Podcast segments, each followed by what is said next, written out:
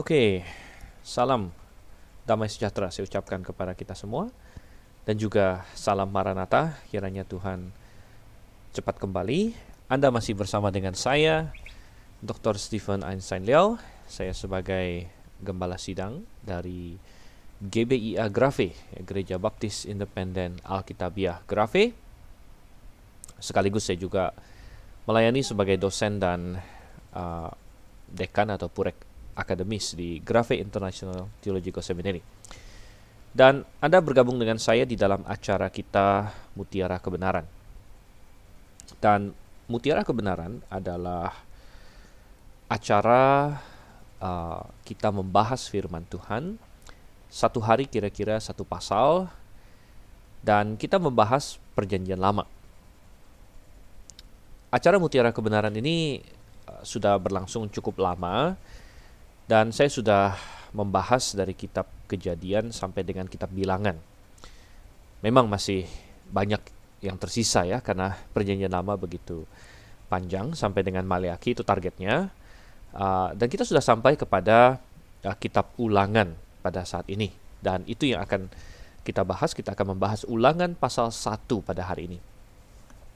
Bagi Anda yang mungkin baru saja bergabung dengan acara Mutiara Kebenaran ini, uh, perlu Anda ketahui bahwa untuk perjanjian baru kita sudah ada juga pembahasan oleh Dr. Suhento Liao. Nah, itu adalah gembala sidang senior di dalam uh, GBI Agrafe. Dan itu sudah komplit, sudah lengkap ya dari Matius sampai Wahyu. Uh, dan saya sedang mau menyelesaikan yang perjanjian lama yang memang lebih panjang.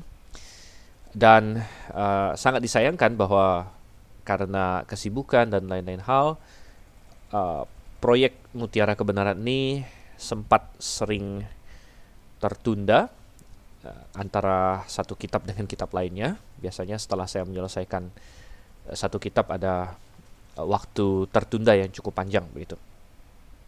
Namun dengan kasih karunia Tuhan, moga-moga kita bisa berlanjut dan kita akan mencoba targetnya suatu hari ya moga-moga tidak terlalu jauh tapi targetnya satu hari nanti kita akan selesai sampai dengan di Maleaki.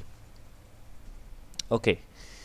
uh, kita akan bagi anda yang belum familiar kita akan membahas kira-kira satu jam ya saya katakan kira-kira karena tentu tidak pas uh, tidak harus pas sekali kadang-kadang berkisar antara 50-an menit mungkin uh, sampai satu jam lebih sedikit. Saya akan berusaha untuk tidak tidak lebih karena awalnya acara Mutiara Kebenaran ini sebenarnya didesain untuk radio, sudah Tuhan. Ya, untuk radio dan kita punya radio AM, ya, radio berita klasik. Namun akhirnya um, kita bisa juga uh, menggunakan mat, uh, materi Mutiara Kebenaran ini di luar dari radio. Ya, jadi sekarang ada banyak melalui komputer saja dan ke depannya bisa juga melalui podcast. Jadi saya tidak tahu Anda mendengarkan uh, rekaman ini, pembahasan ini melalui media apa. Namun kita bisa memakai media apa pun untuk belajar firman Tuhan, untuk menyebarkan firman Tuhan. Baik, uh, tanpa kita terlalu panjang lebar lagi, mari kita memulai. Sebelumnya kita akan berdoa terlebih dahulu. Bapak yang di surga, kami mengucap syukur Tuhan untuk kasih setiamu pada kami. Kami memohon uh, agar kasih setiamu itu uh, melingkupi kami ketika kami mau belajar firman-Mu. Dan kami tahu dan yakin bahwa Engkau akan membantu kami karena ini sesuai dengan kehendak-Mu, sesuai dengan kerinduan hatimu bahwa anak-anakmu semakin paham akan firman-Mu, semakin paham akan Engkau sebagai pribadi yang uh, maha mengasihi kami dan maha uh, pencipta kami. Oleh karena itu tolonglah kami Tuhan. Kami berdoa dalam nama Yesus Kristus. Amin. Kalau Anda memiliki Alkitab, mari membuka Alkitab bersama dan kalau memang Anda tidak berhalangan, saya sangat menganjurkan Anda sambil mendengarkan acara Mutiara Kebenaran ini, uh, silakan ada Alkitab di di samping Anda ya. Tentu kalau Anda mendengarkan uh, sambil menyetir atau sambil aktivitas yang lain itu tidak bisa. Ya, namun kalau misalnya Anda sedang di rumah atau di di tempat yang Anda bisa pegang Alkitab, saya sangat-sangat menganjurkan supaya Anda uh, membuka Alkitab bersama dengan saya supaya Anda bisa mengecek dan ikut membaca dan ikut uh, jadi bukan hanya istilahnya mendengar kata-kata saya, ya, namun benar-benar mendapatkan apa yang Alkitab katakan. Oke, ulangan pasal 1. Kita buka ulangan pasal 1. Uh, cukup panjang, ada 46 ayat. Saya harap kita bisa selesai karena memang target kita satu pasal satu hari. Ada 34 pasal di dalam kitab ulangan. Namun, mungkin tidak semua pasal kita akan uh, satu hari. Misalnya ada pasal-pasal yang mungkin kita anggap sangat pendek ya.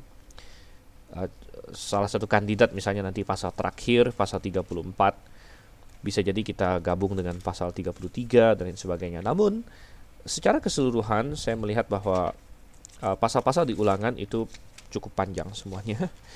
Bahkan uh, kekhawatirannya adalah bisa jadi satu jam tidak cukup untuk membahas tiap-tiap pasal. Tapi saya akan mencoba untuk uh, menyelesaikan pembahasan kita dalam kurun waktu kurang lebih satu jam. Kita akan baca dulu pertama-tama dari ayat 1 sampai dengan ayat yang ke-8. Kita akan bagi menjadi beberapa bagian. Biasanya saya mengikuti bagian-bagian yang di uh, dibuat oleh LAI, Lembaga Kitab Indonesia, sesuai dengan uh, heading-heading atau judul-judul perikop yang diberikan. Ya, kecuali kalau memang ada alasan uh, kuat untuk kita mengambil pembagian yang berbeda. Ayat 1. Inilah perkataan-perkataan yang diucapkan Musa kepada seluruh orang Israel di seberang sungai Yordan, di padang gurun, di Araba Yordan, di tentangan Suf, antara Paran dengan Tofel, Laban, Hazerot, dan di Zahaf. Sebelas hari perjalanan jauhnya dari Horeb sampai Kadesh Barnea melalui jalan pegunungan Seir. Pada tanggal 1 bulan 11 tahun ke-40 berbicaralah Musa kepada orang Israel, sesuai dengan segala yang diperintahkan Tuhan kepadanya demi mereka. Setelah ia memukul kalah Sihon, raja orang Amori yang diam di Hesibon, dan Og, raja negeri Basan yang diam di Asitarot dekat Edrei, di seberang sungai Yordan di tanah Moab, mulailah Musa menguraikan hukum Taurat ini, katanya. Tuhan Allah kita telah berfirman kepada kita di Horeb demikian, telah cukup lama kamu tinggal di gunung ini, majulah Berangkatlah, pergilah ke pegunungan orang Amori dan kepada semua tetangga mereka di Araba Yordan, di pegunungan di daerah bukit, di tanah Negeb dan di tepi pantai laut, yakni negeri orang Kanaan, dan ke gunung Libanon sampai Efrat, sungai besar itu. Ketahuilah, aku telah menyerahkan negeri itu kepadamu. Masukilah, dudukilah negeri yang dijanjikan Tuhan dengan sumpah kepada nenek moyangmu, yakni Abraham, Ishak dan Yakub, untuk memberikannya kepada mereka dan kepada keturunannya. Baik, saudara kasih Tuhan, ini adalah permulaan dari kitab ulangan dan sangat cocok bagi kita untuk melihat hal-hal mengenai pendahuluan juga. Pertama, kita langsung melihat di ayat yang pertama bahwa kitab ini ditulis oleh Musa. Ya, kitab ini ditulis oleh Musa. Ini adalah kitab kelima yang ditulis oleh Musa. Jadi lima kitab pertama dalam Alkitab sering kali disebut sebagai Pentatuk kalau dalam bahasa Inggris. Pentatuk itu artinya ya lima kitab secara literal. Uh, dan ini disebut kitab-kitab Musa ulangan adalah yang terakhir. Nah mengenai kepenulisan Musa ini semua orang yang percaya Alkitab tentu menerimanya dengan iman karena memang Alkitab mengatakan demikian dan tidak perlu iman yang terlalu besar gimana juga. Anda tinggal membaca ya semua dikatakan bahwa itu Musa yang menulis dan Tuhan Yesus mengatakan itu Musa yang menulis para rasul mengatakan itu Musa yang menulis.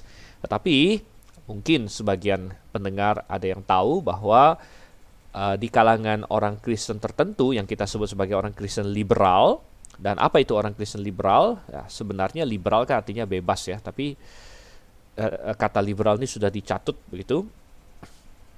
Sehingga ketika dikatakan orang Kristen liberal, yang yang dimaksud adalah orang-orang Kristen yang tidak lagi mempercayai firman Tuhan atau Alkitab sebagai firman Tuhan yang tidak ada salah, sehingga mereka masih mengaku diri orang Kristen, namun mereka uh, sering kali mempertanyakan, sering kali meragukan apa yang ada dalam Alkitab dan ini sangat-sangat disayangkan tentunya Uh, karena bagaimana mereka sebenarnya bisa berkata mereka beriman tapi meragukan apa yang dalam Alkitab sebenarnya. Dan kenapa bisa ada orang Kristen yang seperti itu? Mungkin ada yang bertanya ya.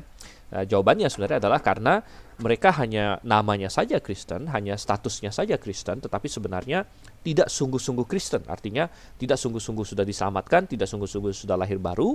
Uh, karena itu mereka tidak memiliki iman yang benar uh, sesungguhnya. Anda bisa bertanya lebih lanjut lagi, kenapa kok bisa ada orang yang tidak sungguh-sungguh lahir baru, tidak sungguh-sungguh diselamatkan, namun bisa menjadi Kristen? Nah itu jawabannya panjang lebar, saudara, dan mungkin tidak berhubungan langsung dengan kitab ulangan, namun karena sudah saya singgung, ya saya akan katakan saja salah satu uh, penyumbang besar tentu ada banyak faktor ya yang yang menyebabkan bisa demikian. Salah satu faktor utamanya adalah baptisan bayi, baptisan bayi. Jadi sampai hari ini masih banyak gereja yang melakukan baptisan bayi sangat disayangkan sekali uh, dan Alkitab Padahal Alkitab mengatakan bahwa syarat baptisan adalah orang percaya sebenarnya. Anda bisa membayangkan kalau bayi dibaptis, maka dia sudah dikasih nama, dikasih status sebagai orang Kristen. Eh, padahal dia belum bertobat, ya. Dan harapannya sih nanti dia besar bertobat begitu ya. Semua gereja yang baptis bayi semua bilang begitu. Harapannya nanti dia besar, dia bertobat lalu kemudian akan disidi lah akan tadi apain lagi ya ada yang pakai istilah CD ada yang pakai istilah mungkin konfirmasi atau apa namun semua itu tidak ada dalam Alkitab tidak ada dalam Alkitab perjanjian baru bayi dibaptis, uh, lalu besar kemudian di CD atau dikonfirmasi tidak. Yang dibaptis adalah orang-orang yang menyerahkan diri. Oke, kita sudah terlalu agak jauh ke sana.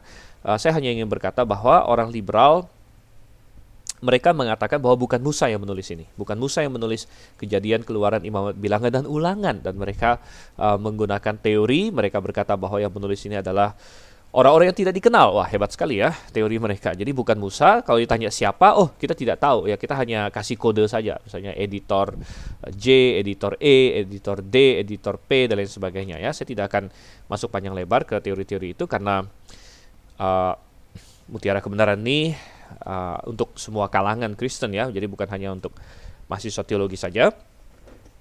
Ya, tetapi khusus untuk kitab ulangan mereka lebih meragukannya lagi terutama karena kalau kita baca di terakhir sekali dalam kitab ulangan kita akan menemukan di pasal 34 mengenai kematian Musa. Ya, ini menjadi salah satu alasan mereka untuk menolak. Mereka bilang nggak mungkin Musa yang menulis kitab ulangan, ya. Uh, jadi mereka tidak percaya apa yang tertulis di ayat 1 padahal di ulangan 1 ayat 1 dikatakan inilah perkataan-perkataan yang diucapkan Musa. Jadi ini Musa yang menulis gitu. Uh, tetapi mereka berkata, oh tidak, uh, salah satu alasan yang mereka pakai ada di pasal 34. Karena pasal ini berkaitan dengan kematian Musa. Dia menggambarkan bagaimana Musa naik ke atas gunung, kemudian Musa mati dan lain sebagainya. Dan uh, mereka berargumen bahwa kan tidak mungkin, ya tidak mungkin bahwa Musa menulis tentang kematiannya sendiri begitu. Jadi ini pasti bukan Musa yang menulis. Dan untuk menjawab itu kita bisa berkata bahwa uh, kenapa tidak mungkin Musa yang menulis? Jadi ada ada dua jawaban kita. Nomor satu ada dua kemungkinan gitu ya. Bisa saja memang Musa yang menulis tentang kematiannya sendiri karena Musa adalah nabi. Ya Tuhan bisa singkapkan kepada dia dia akan mati. Namun tanpa perlu memakai eh, cara ini pun kita bisa berkata bahwa pasal 34 ditulis memang bukan oleh Musa tapi oleh penerusnya katakanlah Yosua begitu. Tetapi uh, sisanya yang katakanlah dari pasal 1 sampai pasal 33 ditulis oleh Musa Kemudian mengenai matinya Musa bisa ditambah belakangan oleh penerus Musa, katakanlah Yosua begitu. Dan e, tidak mengurangi bahwa kitab ulangan disebut sebagai kitab Musa atau disebut ditulis oleh Musa. Jadi adanya sedikit adendum, sedikit appendix lah boleh dibilang kalau kita anggap buku sekarang begitu kan ada appendix atau uh, apa um, orang bilang apa ya uh, epilog gitu ya epilog uh, yang ditulis oleh orang lain tidak mengurangi fakta bahwa kitab ini secara keseluruhan kita sebut sebagai kitab tulisan Musa. Oke, jadi uh, kita menerima dengan iman bahwa kitab ini ditulis oleh Musa dan orang Ibrani, uh, orang Yahudi menyebut kitab ini uh, kitab mereka kasih nama ya Eleh Hadvarim. Itu nama yang dikasih oleh orang Yahudi Eleh Hadvarim. Jadi orang Yahudi punya suatu kebiasaan mereka uh, memberikan nama kitab sesuai dengan kata-kata pertama dalam kitab itu. Jadi misalnya kalau kita sebut kitab kejadian, kitab paling pertama, ya, dalam bahasa Inggris Genesis, mereka sebut kitab Bereshit. Bereshit itu artinya pada mulanya. Karena itu adalah kata pertama dalam kitab itu ya sangat menarik ya. Jadi kata pertama langsung dipakai. Kemudian kalau untuk kitab Keluaran ya, mereka juga pakai kata pertamanya. Dan kata pertama dalam Keluaran adalah Uele Shemot dan inilah nama-nama. Jadi uh, mereka sebut kitab Bereshit, kitab uh, Uele Shemot itu kitab Keluaran dan untuk kitab Ulangan mereka menyebut nama uh, atau kata yang pertama juga yaitu apa? Yaitu Uele uh, bukan Uele ya, Eleh saja, Eleh Hadevarim. Yang artinya inilah perkataan-perkataan. Nah, sedangkan kita di bahasa Indonesia menyebutnya kitab ulangan. Kita menyebutnya kitab ulangan. Um, kenapa kita sebut kitab ulangan? Ini mengikuti sebenarnya uh, LXX ya. Apa itu LXX? LXX itu kalau Anda lihat di angka Romawi, angka Romawi itu 70, L itu 50, X itu 10 ya. LXX itu 70, nama lainnya adalah Septuaginta. Septuaginta juga artinya 70. Ini adalah uh, terjemahan perjanjian lama dari bahasa Ibrani ke bahasa Yunani. Ya, ke bahasa Yunani. Dan di dalam terjemahan LXX itu uh, kitab ini dikasih judul Deuteronomion Deuteronomion yang akhirnya uh, masuk ke dalam bahasa Inggris menjadi Deuteronomy. Deuteronomy ya kalau Anda mempunyai Alkitab bahasa Inggris uh, entah itu King James Version yang saya anjurkan atau yang lain anda akan tahu namanya Deuteronomy. Apa itu artinya Deuteronomy? Dari Deuteronomion, nomion artinya uh, hukum ya, nomi, nomi, nomos tadi hukum. Deutero artinya kedua jadi hukum kedua atau hukum yang mengulang. Jadi sebenarnya uh, kata kedua di sini bukan berarti bahwa ada hukum yang baru, namun mengulang, sudah kasih Tuhan. Jadi uh, mengulang, hukum mengulang artinya uh, kitab Keluaran, ak, uh, bukan Keluaran, sorry, kitab Ulangan akan isinya terutama adalah mengulang hukum yang pernah Tuhan berikan. Ya. Oleh karena itu kalau kita baca lebih lanjut lagi uh, di ayatnya yang kedua dan ketiga kita akan mendapatkan di situ kapan kapan uh, kitab ini ditulis atau isinya dituliskan ayat 3 di situ ya pada tanggal 1 bulan 11 tahun ke-40 berbicaralah Musa kepada orang Israel. Jadi ini adalah 40 tahun setelah mereka keluar dari Mesir. 40 tahun setelah mereka keluar dari Mesir uh, Musa mengulang lagi tadi, mengulang lagi apa yang pernah Tuhan kasih kepada mereka, hukum yang pernah Tuhan kasih kepada mereka waktu mereka pertama keluar dari Mesir. Dan kita masih ingat sejarahnya, uh, sebagaimana dituliskan di ayat yang ke-6 bahwa waktu itu bangsa Israel berkumpul di Horeb. Nah, Horeb, Gunung Horeb. Gunung Horeb adalah nama lain dari Gunung Sinai. Dan mereka berkumpul di situ dan apa yang mereka lakukan di situ? Ya, masih ingat bahwa orang Israel kan dibawa keluar dari Mesir, mereka sempat menyeberangi Laut Merah, kemudian mereka lewat sedikit padang gurun, lalu sampai di Gunung Sinai atau nama lainnya Gunung Horeb. Di situ Tuhan menampakkan diri kepada mereka dan Tuhan memberikan hukum-hukumnya kepada mereka. Itu adalah tidak lama setelah mereka keluar dari Mesir.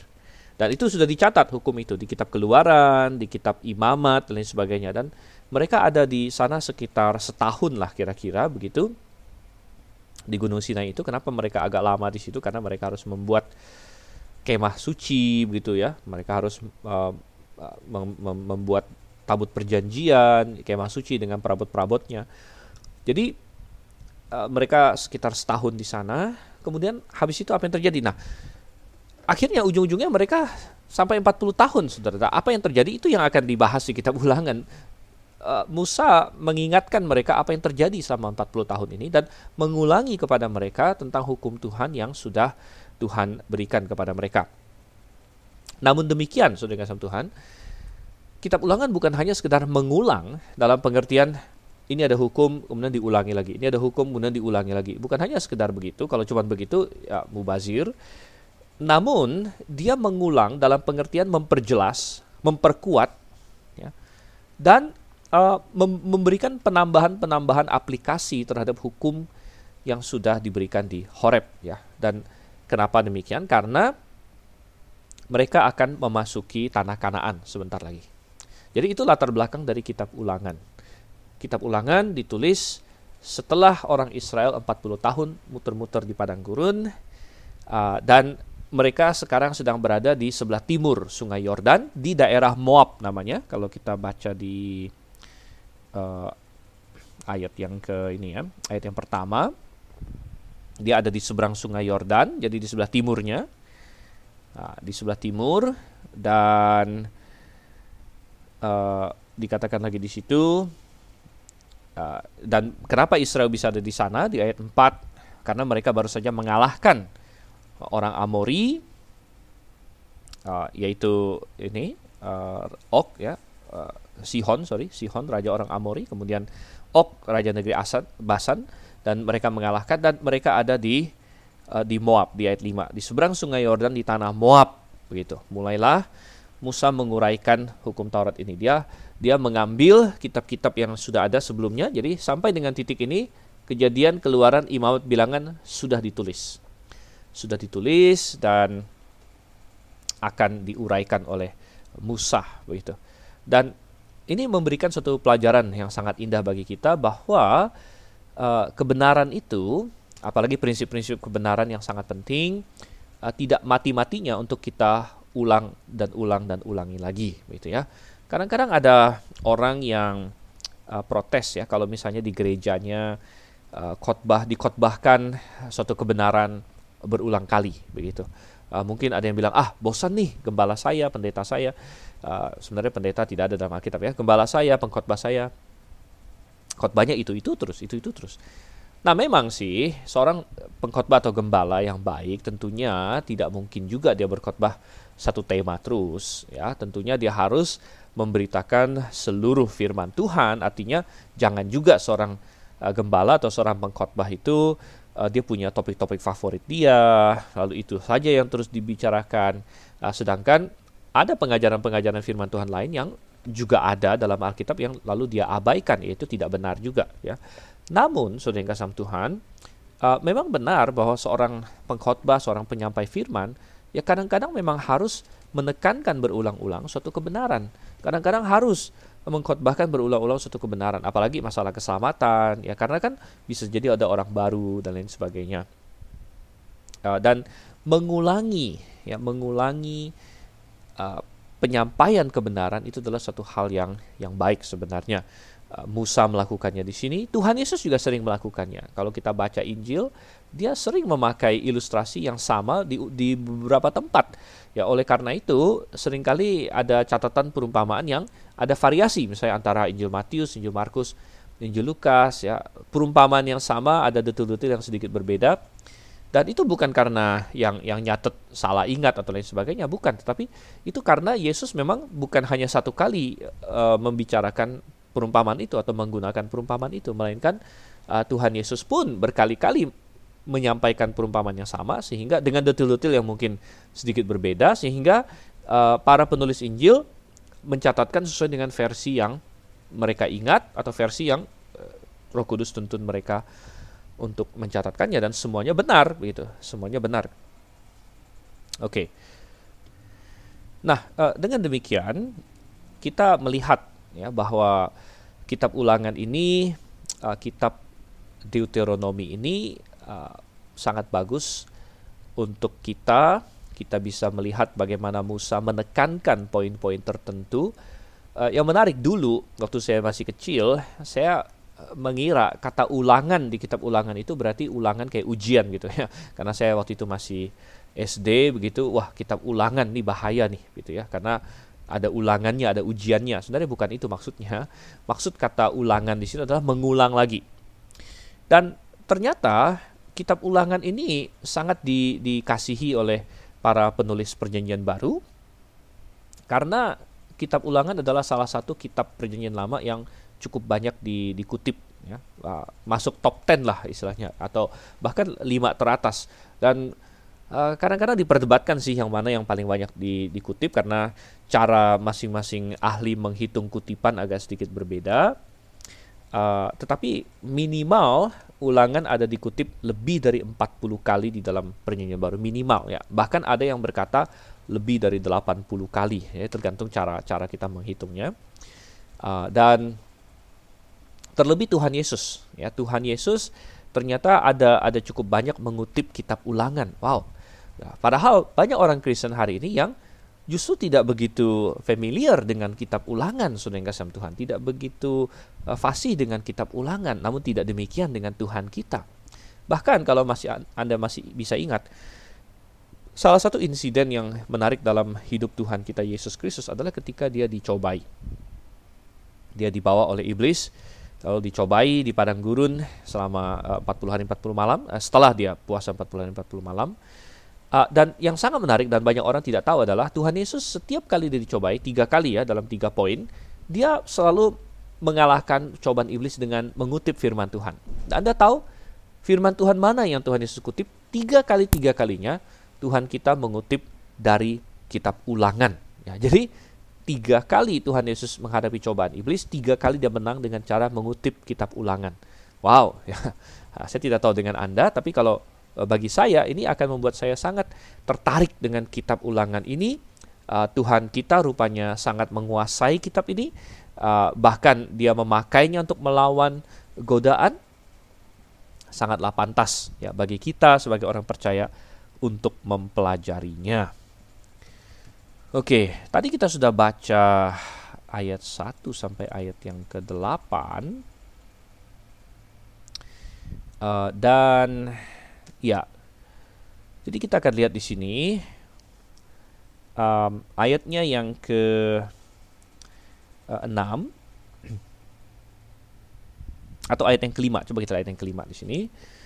Uh, satu hal yang satu kata yang sangat menarik di sini adalah kata menguraikan dikatakan ya di seberang sungai Yordan di tanah Moab mulailah Musa menguraikan hukum Taurat ini dan Kata menguraikan di sini ini dari kata Ibrani ba'ar. Uh, ba'ar itu satu akar kata dengan be'er. Be'er itu artinya sumur dalam bahasa Ibrani. Mungkin Anda masih ingat misalnya ada namanya Ber Bersheba ya Bersheba itu di kitab Kejadian itu waktu Abraham ya bikin sumur ada yang dikasih nama Bersheba, Ishak dan lain sebagainya. Jadi Be'er artinya sumur dan uh, Ba'ar di sini Nah, satu akar kata diterjemahkan menguraikan. Jadi ba'ar sebenarnya adalah semacam uh, menarik keluar, menggali keluar, sama seperti kita mengimajinasikan suatu sumur ya. Kalau sumur itu kan pertama kita gali, kemudian setelah kita gali kita tarik keluar air, kita ambil keluar air dari dari sumur dari mata air tersebut. Dan ini adalah konsep dasar dari apa yang kita sebut sebagai eksegesis, saudara Tuhan. Ya eksegesis. Mungkin uh, anda sering mendengar istilah ini dipakai uh, di di buku-buku Kristen dan sebagainya.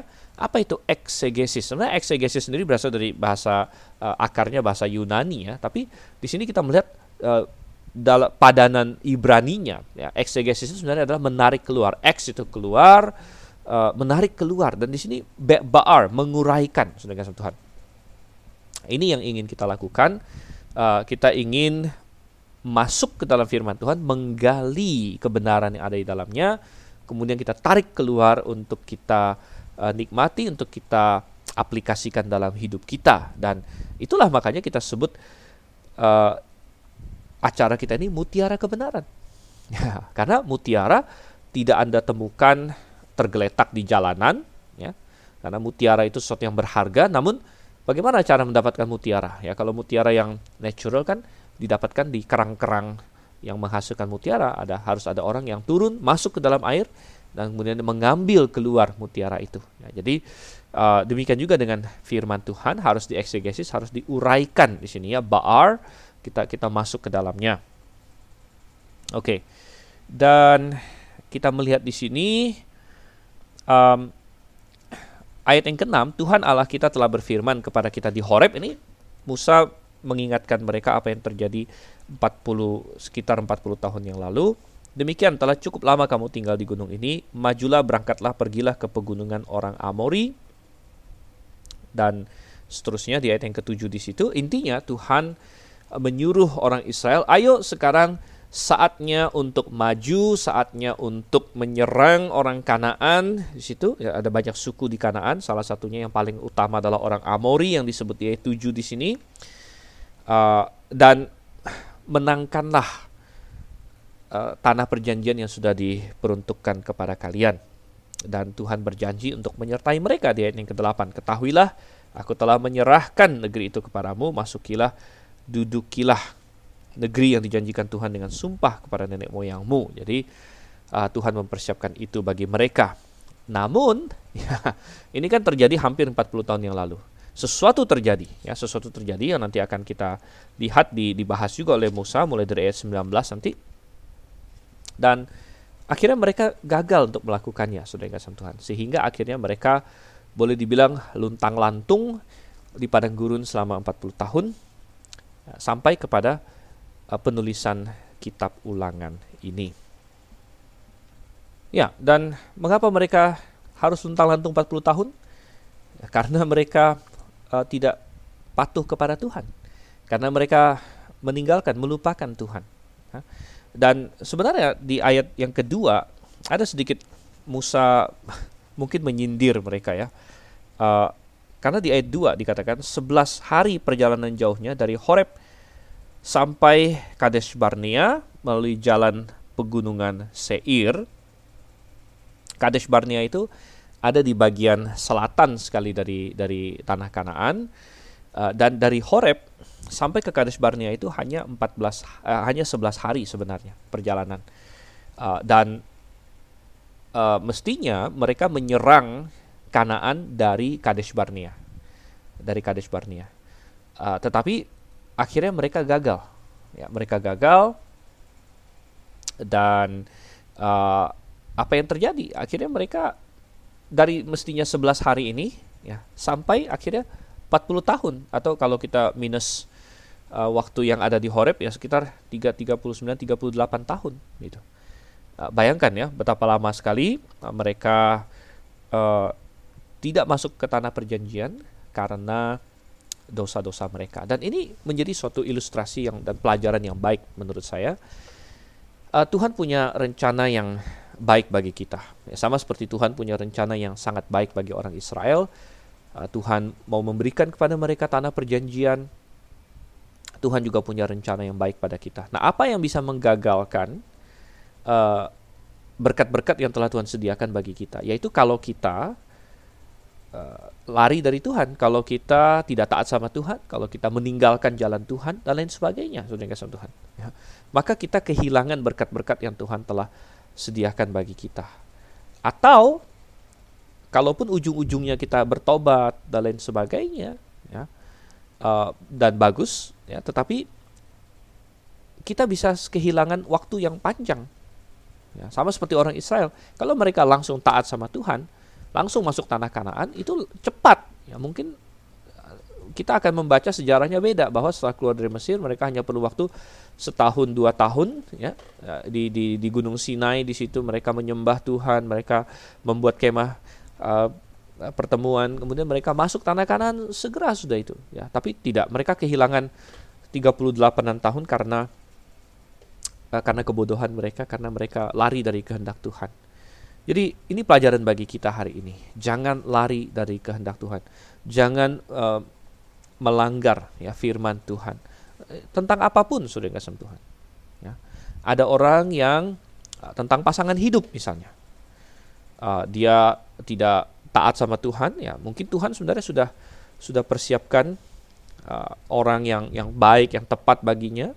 Uh, dia hanya perlu sabar ya ikut Tuhan ya. Namun dia tidak sabar akhirnya dia dia uh, main laki-laki atau main perempuan yang ya, tidak sesuai dengan kehendak Tuhan mungkin bukan orang percaya atau lain sebagainya ya Uh, dan itu bisa mengakibatkan kekacauan, saudara. Wow, dan itu bisa lama itu untuk untuk menyelesaikan itu, apalagi kalau sampai menikah ya, dengan orang yang tadinya tidak percaya Tuhan gitu.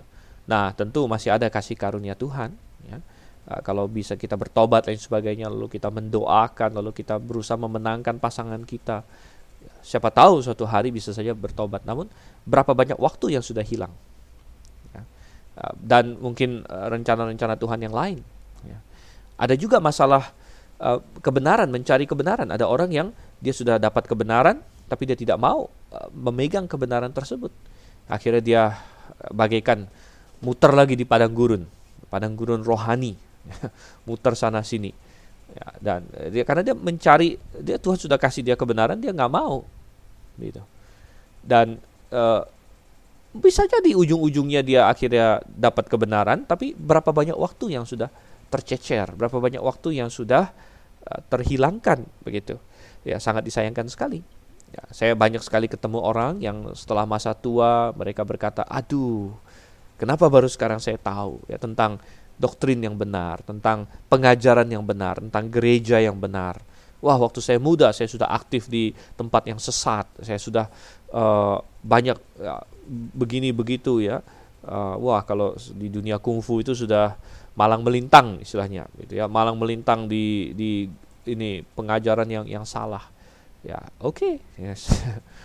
kalau misalnya ada orang yang dari mudanya sebenarnya sudah tahu kebenaran atau Anda sekarang ya, entah kapan pun, entah berapapun usia Anda, Anda sekarang uh, diperkenalkan kepada kebenaran firman Tuhan, namun Anda menolaknya, ya kita tidak tahu kesempatan ke depan kalaupun masih ada berapa banyak waktu yang tercecer. Oke, coba kita lanjutkan sekarang dari ayat 9 sampai ayat yang ke-18 saya akan bacakan untuk kita semua. Uh, ayat 9, pada waktu itu aku berkata kepadamu demikian, seorang diri aku tidak dapat memikul tanggung jawab atas kamu. Tuhan Allahmu telah membuat kamu banyak dan sesungguhnya sekarang kamu sudah seperti bintang-bintang di langit banyaknya. Tuhan Allah nenek moyangmu kiranya menambahi kamu seribu kali lagi dari jumlahmu sekarang dan memberkati kamu seperti yang dijanjikannya kepadamu. Tetapi bagaimana seorang diri aku dapat memikul tanggung jawab atas kesusahanmu, atas bebanmu, dan perkaramu?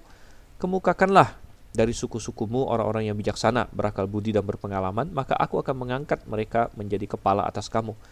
Lalu kamu menjawab aku, memang baik apa yang kau anjurkan untuk dilakukan itu.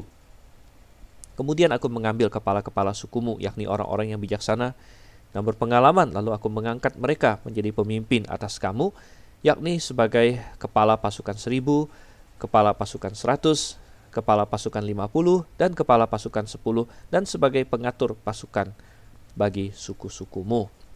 Dan pada waktu itu aku memerintahkan kepada para hakimmu demikian. Berilah perhatian kepada perkara-perkara di antara saudara-saudaramu dan berilah keputusan yang adil di dalam perkara-perkara antara seseorang dengan saudaranya atau dengan orang asing yang ada padanya. Dalam mengadili jangan pandang bulu, baik perkara orang kecil maupun perkara orang besar harus kamu dengarkan. Jangan gentar terhadap siapa pun sebab pengadilan adalah kepunyaan Allah tetapi perkara yang terlalu sukar bagimu harus kamu hadapkan kepadaku supaya aku mendengarnya. Demikianlah aku pada waktu itu memerintahkan kepadamu segala hal yang harus kamu lakukan. Oke, jadi uh, di dalam perikop yang satu ini ayat 9 sampai ayat yang ke-18 ini adalah Musa mengingatkan lagi apa yang terjadi dan ada sedikit uh, perbedaan pendapat mengenai apakah ini mengacu kepada peristiwa di Keluaran 18 atau ini mengacu kepada peristiwa di uh, bilangan pasal yang ke-11. Uh, kedua kejadian ini ada kemiripan. Di dalam keluaran pasal 18, kita mendapatkan bahwa waktu itu Yitro, mertua Musa, mengunjungi dia, lalu melihat dia mengurus semua urusan bangsa itu. Kalau ada orang yang ada masalah, ada orang yang uh, mau menghadap, semuanya harus menghadap Musa. Ya, tentu Musa kecapean karena ada sekitar 2 juta orang Israel waktu itu, laki-laki yang dapat berperang saja 600-an ribu, ditambah dengan anak-anak plus wanita dan yang tua dan sebagainya, wah itu bisa memang sekitar 2 jutaan. Sehingga akhirnya Yitro mengusulkan, nah kamu harus ambil ini ya, kamu harus angkat pemimpin-pemimpin di antara kamu dan lain sebagainya. Dan itu sepertinya yang diacu di ayat 15 bahwa ada yang diangkat menjadi uh, kepala seribu, kepala seratus dan lain sebagainya. Terus sebagian orang juga melihat bahwa bisa jadi ini mengacu ke yang di um, bilangan pasal 11 di mana uh, orang Israel ya suatu bangsa yang tegar tengkuk, yang suka memberontak lain sebagainya. Mereka memberontak sama Tuhan masalah daging. Dan Musa udah merasa capek, aduh kayaknya saya terus yang menjadi sasaran apa ya, uh, komplain mungkin saya terus yang.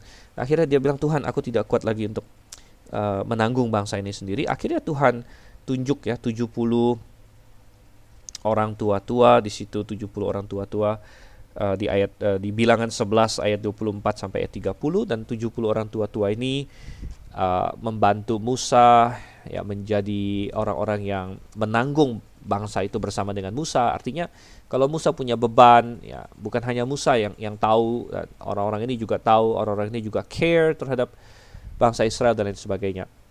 Nah, terus terang saya pernah membaca uh, beberapa jenis komentari dan ada dua posisi ya, ada dua posisi. Ada posisi yang pertama mengatakan bahwa uh, peristiwa ini adalah suatu kesalahan. Artinya Musa uh, mengangkat 70 tua-tua atau mengangkat hakim-hakim di bawah dia ini suatu kesalahan. Ya mestinya Musa bergantung sama kekuatan Tuhan saja dan Tuhan akan menolong. Tetapi ada juga uh, sebagian komentari yang uh, berkata bahwa oh tidak ya ini sudah benar ini adalah uh, manajemen yang baik ya dan sebagainya dan saya sendiri melihat bahwa uh, kedua poin ini bisa benar dan bisa salah maksudnya begini saudara Tuhan uh, orang-orang yang setuju dengan apa yang dilakukan oleh Musa melihat bahwa ya bagus artinya begini beban itu tidak perlu ditanggung sendiri dan ini ini benar juga di dalam di dalam bergereja katakanlah hari ini kita bukan Israel ya kita ada di dalam gereja-gereja lokal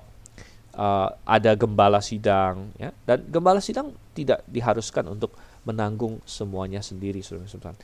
Makanya di dalam gereja ada yang namanya diaken. Nah, gereja yang alkitabiah uh, kita tidak memakai majelis karena tidak ada majelis di dalam di dalam perjanjian baru ya. Yang adalah diaken. Dan diaken ini adalah orang-orang yang membantu gembala untuk melakukan hal-hal yang uh, yang mereka bisa lakukan sehingga gembala bisa berfokus kepada hal-hal lain. Dan kita membaca itu di dalam kisah Rasul pasalnya yang ke-6 waktu itu di kisah Rasul pasal 6 ada masalah ini uh, penyaluran bantuan kepada janda-janda. Dan lalu nah, namanya penyaluran bantuan ya pasti banyak uh, pro kontra lah dan banyak ya kalau hari ini aja ya ada yang korupsi lah segala macam nah kalau waktu itu bukan korupsi Uh, tetapi masalah keadilan, wah, entah janda yang ini dapatnya lebih, janda yang itu bagaimana dan wah, pusing. Intinya sebenarnya bisa bisa diselesaikan ya, tapi butuh waktu, butuh ketelitian, ya mungkin rasul-rasul harus lebih teliti, harus satu persatu dan rasul-rasul bilang sebenarnya kami punya kerjaan yang lebih penting ya, kami perlu mengajar, mempersiapkan diri, berdoa dan sebagainya. Jadi perlu ada orang yang membantu kami dan akhirnya dipilihlah diaken. Itu adalah uh, pertama kali muncul diaken jadi Anda perlu bertanya tentang gereja Anda juga, apakah gereja Anda uh, mengikuti pola yang alkitabiah atau tidak? Apakah Anda ada diaken atau tidak? Ya, mungkin ada orang bilang, ah kami tidak ada diaken, kami pakai majelis, oh fungsinya sama. Uh, tapi tunggu dulu sudah sama Tuhan. Ya, karena apa? Belum tentu sama. Kalau diaken di dalam Alkitab jelas ada ada kualifikasinya. Syarat diaken bagaimana itu ada di dalam satu Timotius. Kalau Anda mengubah nama diaken itu menjadi oh saya pakai majelis aja. Apa yang terjadi? Yang terjadi adalah Anda memisahkan antara jabatan diaken dengan uh, syarat-syarat yang ada di dalam Alkitab sehingga oh karena majelis maka sepertinya tidak perlu mematuhi syarat-syarat diaken. Demikian juga masalah gembala dengan pendeta. Ya kadang-kadang ada orang bertanya, "Kenapa sih uh, kalian di Grafe itu kok ngotot banget pakai gembala?" Ya, kan kita ya pakai pendeta walaupun nggak ada dalam Alkitab tapi ya maksudnya samalah gitu ya. maksudnya samalah tapi saya katakan jangan ya jangan begitu kita lebih baik pakai istilah yang Alkitab ya karena di balik istilah itu ada arti dan juga uh, kalau kita memakai istilah yang tidak Alkitabiah terbuka peluang untuk makin menyimpang makin menyimpang gitu ya karena akhirnya bagaimana? Syarat pendeta apa? Nah syarat pendeta kan tergantung masing-masing gereja. Tiap gereja ada syaratnya sendiri. Misalnya gereja A uh, sinode A ya dia punya oh kalau pendeta kami harus begini harus begini harus begini. Uh, gereja B syaratnya beda lagi. Kok bisa beda-beda begitu? Ya karena pendeta itu memang nggak ada dalam Alkitab. Kalau misalnya kita memakai istilah yang ada dalam Alkitab yaitu gembala gembala itu sama dalam Alkitab dengan katakanlah uh, apa penatua dan penilik ya sama itu dalam Alkitab maka ada syaratnya di dalam satu Timotius syarat seorang penilik dan lain sebagainya. Jadi betapa pentingnya. Nah yang saya ingin katakan adalah bahwa memang seorang gembala sidang tidak perlu menanggung um, ini beban sendirian ya bisa saja. Dan mestinya anggota-anggota jemaat yang mengasihi Tuhan siap untuk ikut memikul memikul beban ya yang yang dimiliki oleh oleh gembala ya peduli dengan jemaat dan sebagainya. Namun kelompok yang berkata bahwa ini suatu kesalahan juga memiliki poin.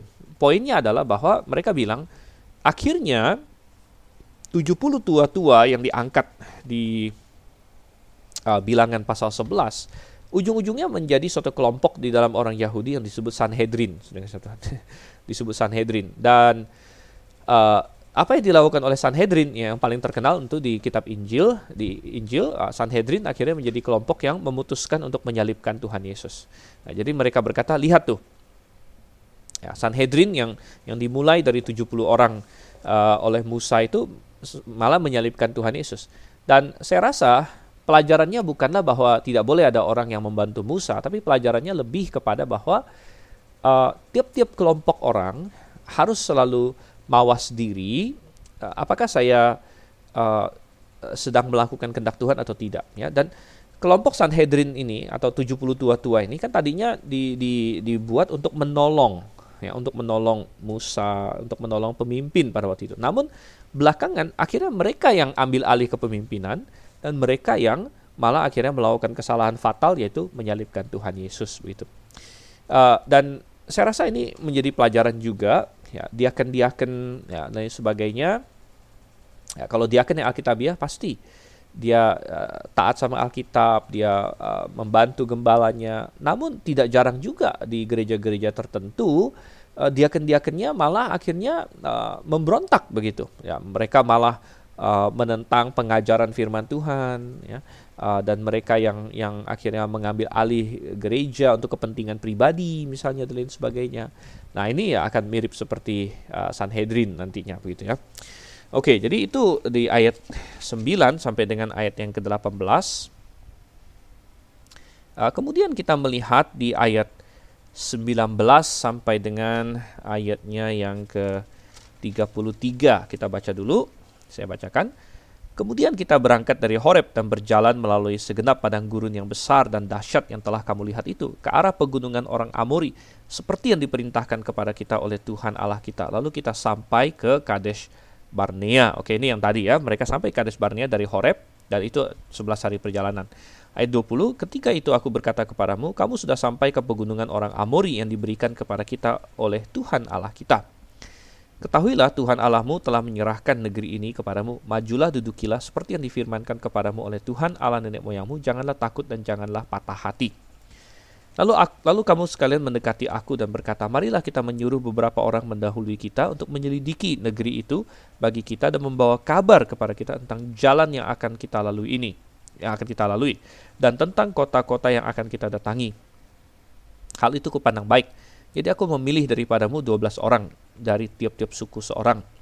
Mereka pergi dan berjalan ke arah pegunungan, lalu sampai ke lembah Eskol, kemudian menyelidiki negeri itu. Maka mereka mengambil buah-buahan negeri itu dan membawanya kepada kita. Pula mereka membawa kabar kepada kita demikian, negeri yang diberikan Tuhan Allah kita kepada kita itu baik. Tetapi kamu tidak mau berjalan ke sana, kamu menentang titah Tuhan Allahmu. Kamu menggerutu di dalam kemahmu serta berkata, karena Tuhan membenci kita, maka ia membawa kita keluar dari tanah Mesir untuk menyerahkan kita ke dalam tangan orang Amori supaya dimusnahkan. Ke manakah pula kita maju, saudara-saudara? Kita telah membuat hati kita tawar dengan mengatakan orang-orang itu lebih besar dan lebih tinggi daripada kita. Kota-kota di sana besar dan kubu-kubunya sampai ke langit. Lagi pula kami melihat orang-orang enak di sana. Ketika itu aku berkata kepadamu, Janganlah gemetar, janganlah takut kepada mereka. Tuhan Allahmu yang berjalan di depanmu. Dialah yang akan berperang untukmu, sama seperti yang dilakukannya bagimu di Mesir di depan matamu. Dan di padang gurun di mana engkau melihat bahwa Tuhan Allahmu mendukung engkau seperti seorang mendukung anaknya sepanjang jalan yang kamu tempuh sampai kamu tiba di tempat ini. Tetapi walaupun demikian kamu tidak percaya kepada Tuhan Allahmu yang berjalan di depanmu di perjalanan untuk mencari tempat bagimu di mana kamu dapat berkemah dengan api pada waktu malam dan dengan awan pada waktu siang untuk memperlihatkan kepadamu jalan yang harus kamu tempuh. Oke, okay, dan sampai kepada uh, titik yang satu ini, saya yakin Musa mengingat peristiwa ini dengan penuh apa ya penuh penyesalan um, penuh mungkin ah, kesedihan hati begitu. Karena inilah titik balik uh, mereka dari tadinya uh, sudah paten begitu akan akan masuk ke tanah Kanaan dan dan Musa sendiri akan ikut masuk. Sampai akhirnya mereka tertunda uh, 38 tahun akhirnya total 40 tahun dan melalui berbagai peristiwa akhirnya Musa sendiri akhirnya tidak tidak akan masuk. Dan apa itu saudara kasih Tuhan? Mereka sampai ke Kadesh Barnea di situ di bagian selatan dari Kanaan dan Tuhan suruh ayo maju duduki ya duduki. Namun apa yang terjadi di sini? Kita melihat di ayat 22 lalu orang Israel uh, memberikan usulan lebih baik kita suruh orang masuk menyelidiki negeri itu dulu ya. Nah, ini sangat menarik sekali kalau kita membandingkan dengan catatan yang ada di dalam bilangan karena peristiwa ini dicatat di kitab bilangan. Itu bilangan pasalnya yang ke-13 uh, mengenai ke-12 pengintai itu seolah-olah uh, mengirim pengintai ini adalah uh, usul Tuhan atau atau idenya Tuhan. Kalau kita lihat bilangan 13 ayat 1, Tuhan berfirman kepada Musa, "Suruhlah beberapa orang mengintai tanah Kanaan dan sebagainya." Jadi, kalau kita hanya membaca kitab bilangan seolah-olah usulannya dari Tuhan. Namun, dengan membandingkan apa yang tertulis dalam kitab Ulangan, kita mendapatkan bahwa ternyata yang mau uh, mengirim pengintai itu adalah orang Israel sendiri. Setelah orang Israel mau kirim uh, ini apa pengintai, barulah Tuhan atur. Oke, kalau begitu kirim 12 orang, satu orang dari satu suku lain sebagainya, gitu ya. Dan saya yakin Musa sekarang mengingat hal ini dengan penuh penyesalan, bahkan dia berkata di ayat 23, hal itu kupandang baik. Hal itu kupandang baik. Jadi waktu itu Musa menganggap, oh bagus juga lah ada mau dikirim pengintai. Tapi mungkin sekarang dia menyesal. Mestinya udah gak usah pakai pengintai-pengintai. Langsung masuk saja. Bukan karena pengintai itu uh, salah dengan sendirinya saudara kasih Tuhan. Namun uh, mengirim pengintai dengan suatu mind setting yang salah rupanya. Uh, orang Israel waktu itu mengirim pengintai dengan mind setting dengan pola pikir mau tahu benar nggak sih tanah ini baik? Gitu kan. Benar nggak sih tanah ini baik? Benar nggak sih kita perlu masuk? Dan lain sebagainya. Ini berarti mereka meragukan firman Tuhan. Kalau mereka tidak meragukan firman Tuhan, untuk apa? Mereka mesti percaya. Tuhan sudah janjikan bahwa tanah itu tanah yang baik, yang ber, berlimpah susu dan madunya dan lain sebagainya. Dan Tuhan sudah berjanji akan memberikannya kepada mereka begitu. Jadi ada hal-hal yang sebenarnya tidak perlu lagi diverifikasi karena kita sudah yakin akan hal itu. Ah, dan mereka mengirim pengintai ini dengan hati yang penuh ketidakpercayaan ah, sebenarnya. Minimal sebagian dari mereka, ya ada 10 pengintai yang yang buruk. Dan apa hasil pengintaian mereka di ayat 25? Uh, ayat 25 mereka membawa kabar kepada kita negeri yang diberikan Tuhan Allah kita kepada kita itu baik. Wow. Luar biasa. Jadi ternyata benar apa yang Tuhan katakan kan, negeri itu baik. Tetapi ayat 26, oh sungguh sayang. Ayat 26, tetapi kamu tidak mau berjalan ke sana. Kata tetapi itu. Nah, ini yang yang luar biasa uh, mengacaukan Saudara Tuhan. Dan jangan sampai hal yang sama terjadi dalam hidup kita di ayat 25 mereka secara literal sudah membuktikan bahwa firman Tuhan itu benar, apa yang Tuhan katakan itu benar, namun ada namunnya, ada tetapinya begitu. Mereka tetap tidak mau melakukan apa yang Tuhan katakan. Saudara dan Musa begitu, aduh, Musa apa ya? Dia begitu marah, saya yakin dia begitu menyesal. Dan uh, di ayat-ayat selanjutnya dia ada bilang, "Kenapa kalian harus takut?" Bukankah kalian sudah melihat Tuhan begitu baik di ayat 30, ayat 31? Kamu sudah mengalami semua yang di Mesir katanya. Uh, di padang gurun ya ada mana, ada air, ada macam-macam. Uh, Tuhan menopang kamu seperti orang mendukung anaknya lain sebagainya. Ada tiang api dan tiang awan ya, di, diperjelas di ayat 33. Namun kamu tetap tidak mau masuk, Saudara. Oh, Saudara yang kasih dalam Tuhan. Nah, bagaimana dengan kita hari ini? Kadang-kadang mungkin kita uh, mengejek orang Israel ya. Kita bilang ah orang Israel ini kacau nih. Uh, begitu. Tapi apakah kita lebih baik dari mereka? Ya. Jangan-jangan ada tetapinya juga dalam hidup kita.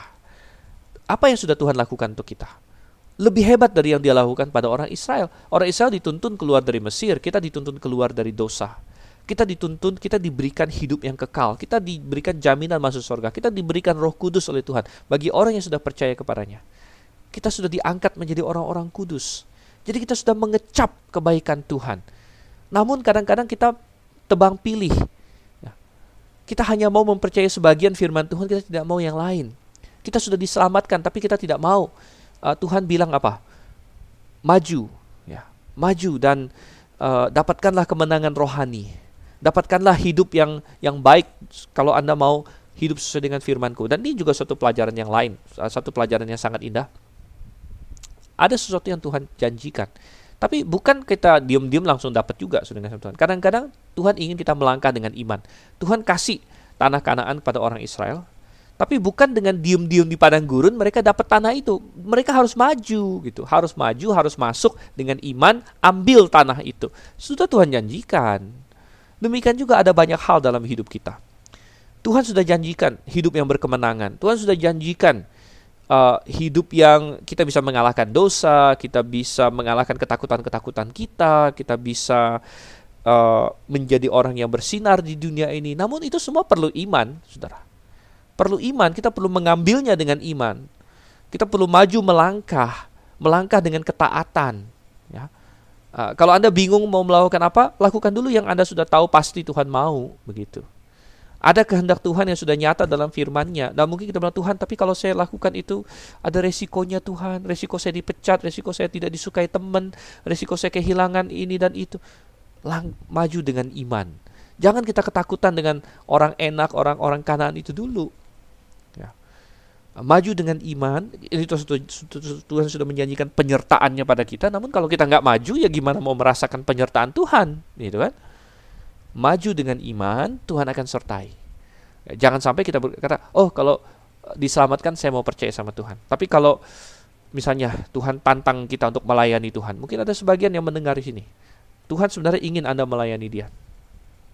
Tapi Anda berkata, e, jangan dulu deh, itu ya. Saya takut, saya takut kalau jadi hamba Tuhan saya kelaparan. Ya. Loh, kamu mau percaya Tuhan masalah keselamatan. Kamu tidak mau percaya Tuhan, masalah melayani Dia, Tuhan akan melindungi dan lain sebagainya. Ada yang Tuhan ingin Anda di sini untuk uh, untuk mengambil langkah iman, untuk uh, masuk ke gereja yang benar, untuk meninggalkan kesesatan. Lalu Anda banyak alasan dan lain sebagainya. Oh, sudah kasih Tuhan. Jangan seperti itu.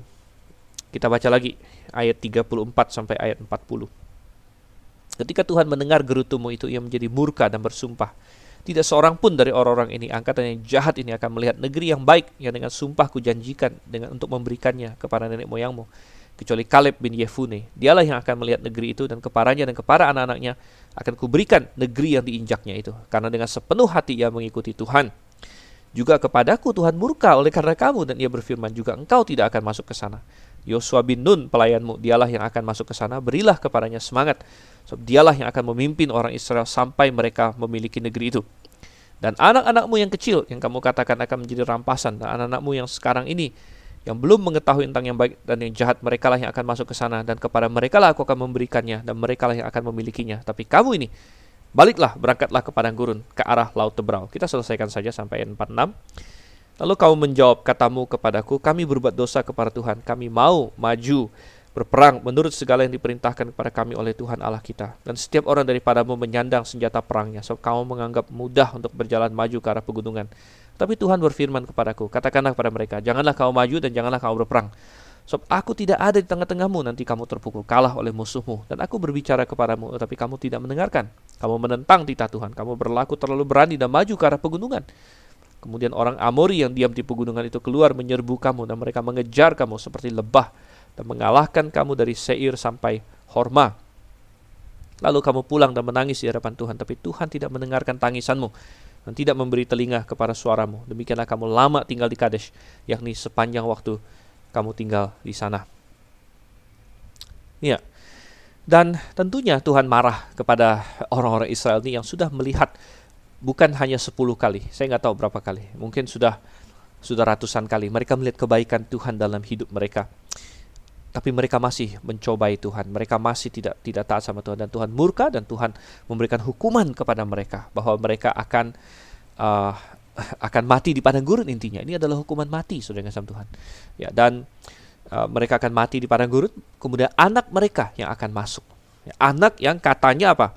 Ya, tadinya mereka pakai anak-anak mereka itu sebagai alasan, yang mereka wah dengan sok apa ya, sok hebat begitu. Waduh, kalau kita masuk nanti kita mati. Wah, anak kita ditawan. Masa kamu uh, Musa, kamu mau anak-anak kami. Jadi anak-anak dipakai alasan. Dan sudah kasih Tuhan, ini mengajarkan kita kalau orang sudah uh, punya hati tidak mau atau dia punya hati condong ke suatu uh, arah, apa pun bisa dipakai sebagai alasan. Kadang-kadang keluarga, anak-anak dipakai sebagai alasan. Saya pernah mendengar ada orang yang memakai alasan, kenapa kamu tidak ke gereja yang benar? Aduh, anak saya sukanya di tempat sana, walaupun salah, tapi sekolah minggunya seru, tanya ya, ada filmnya, ada apanya. Wah, anak dipakai sebagai alasan, sudah kasih Tuhan. Um, dan banyak orang memakai anak sebagai alasan. Ya. Uh, kenapa kamu tidak ke gereja? Ah, saya terlalu sibuk dengan anak dan lain sebagainya. Tapi sudah kasih Tuhan, uh, sering kali itu semua hanyalah alasan. Hati kita sebenarnya sudah tidak ingin dan memakai alasan itu. Orang Israel juga mereka sudah tidak ingin, tidak mereka tidak punya iman sama Tuhan, tapi mereka mereka masuk ke sana, mereka memakai anak-anak mereka sebagai alasan. Dan Tuhan berkata, justru anak-anak kalian yang kalian takutkan jadi jarahan, mereka yang akan masuk ini adalah generasi yang yang beriman.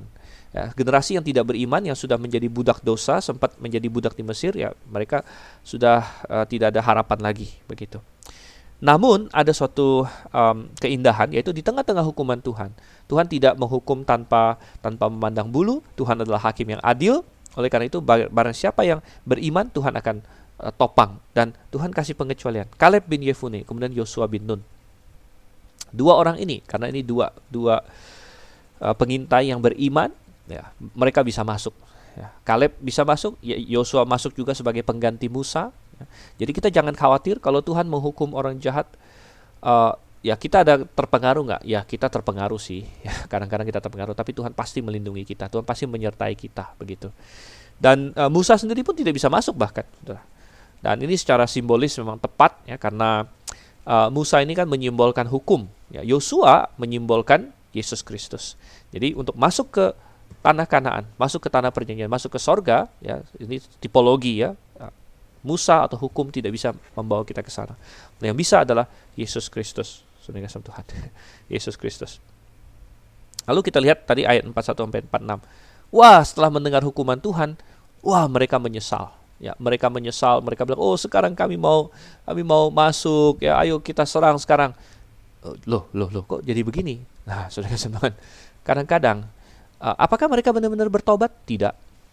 Mereka tidak benar-benar bertobat ya. Uh, mereka hanya ketakutan akan akan hukuman Tuhan. Jadi banyak orang begini. Banyak orang sebenarnya bukan bertobat. Banyak orang menyesal karena kena hukum. Menyesal karena ketangkep.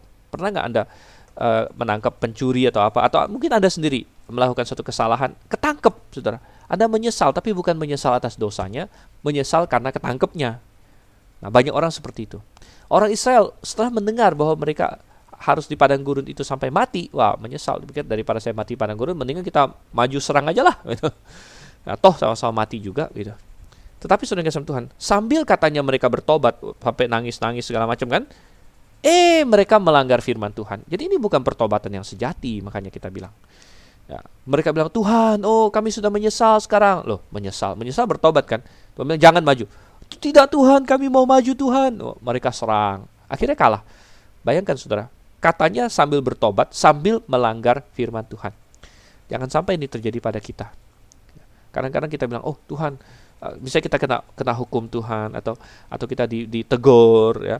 Eh, kita oh ya udah saya saya saya bertobat. Tapi sebenarnya bukan ada pertobat sejati. Mungkin kita malu sama orang mungkin kita ya itu tadi uh, kok saya sampai ketangkep? Sebenarnya nggak nggak nggak nggak nggak pengen ketangkep. Kita pura-pura bertobat. Namun sebenarnya kita sambil dalam pertobatan pura-pura kita itu pun kita melanggar firman Tuhan ya bagaimana bisa saudara bagaimana bisa ini sama seperti orang yang mau melayani Tuhan tapi melanggar firman Tuhan banyak orang seperti itu. Katanya mau melayani Tuhan, tapi melanggar firman Tuhan. Wah, jangan sampai kita, ya, jangan sampai kita. Dan akhirnya mereka dikalahkan. Ya, mereka dikalahkan. Ini adalah generasi yang yang akhirnya mati di padang gurun dan generasi ini dipakai sebagai ilustrasi ya, banyak kali di dalam perjanjian baru. Uh, ilustrasi sebagai orang-orang yang uh, sudah keluar dari Mesir, sudah mengecap ya, kebaikan Tuhan, bahkan sudah diselamatkan dari perbudakan, tapi tidak beriman. Dan ini dipakai oleh Paulus uh, untuk menjadi ilustrasi dan menjadi peringatan. Jangan sampai kita seperti itu. Kalau kita katanya sudah mengenal Tuhan, uh, katanya sudah diselamatkan, tapi kita harus terus beriman. Tanya, ya. Jangan sampai murtad, ya karena dalam kitab Ibrani dikatakan, ya kita harus teguh berpegang kepada uh, iman kita sampai kepada akhirnya. Jangan sampai menjadi seperti orang-orang Israel yang tidak beriman ini, tidak bisa masuk ke Kanaan karena mereka tidak beriman. Oke, kita sudah melebihi waktu. Jadi uh, karena pasal pertama ini uh, kita tadi banyak membahas pendahuluan, kita akan akhiri sampai di sini. Mari kita berdoa. Terima kasih Tuhan untuk kasih setia pada kami.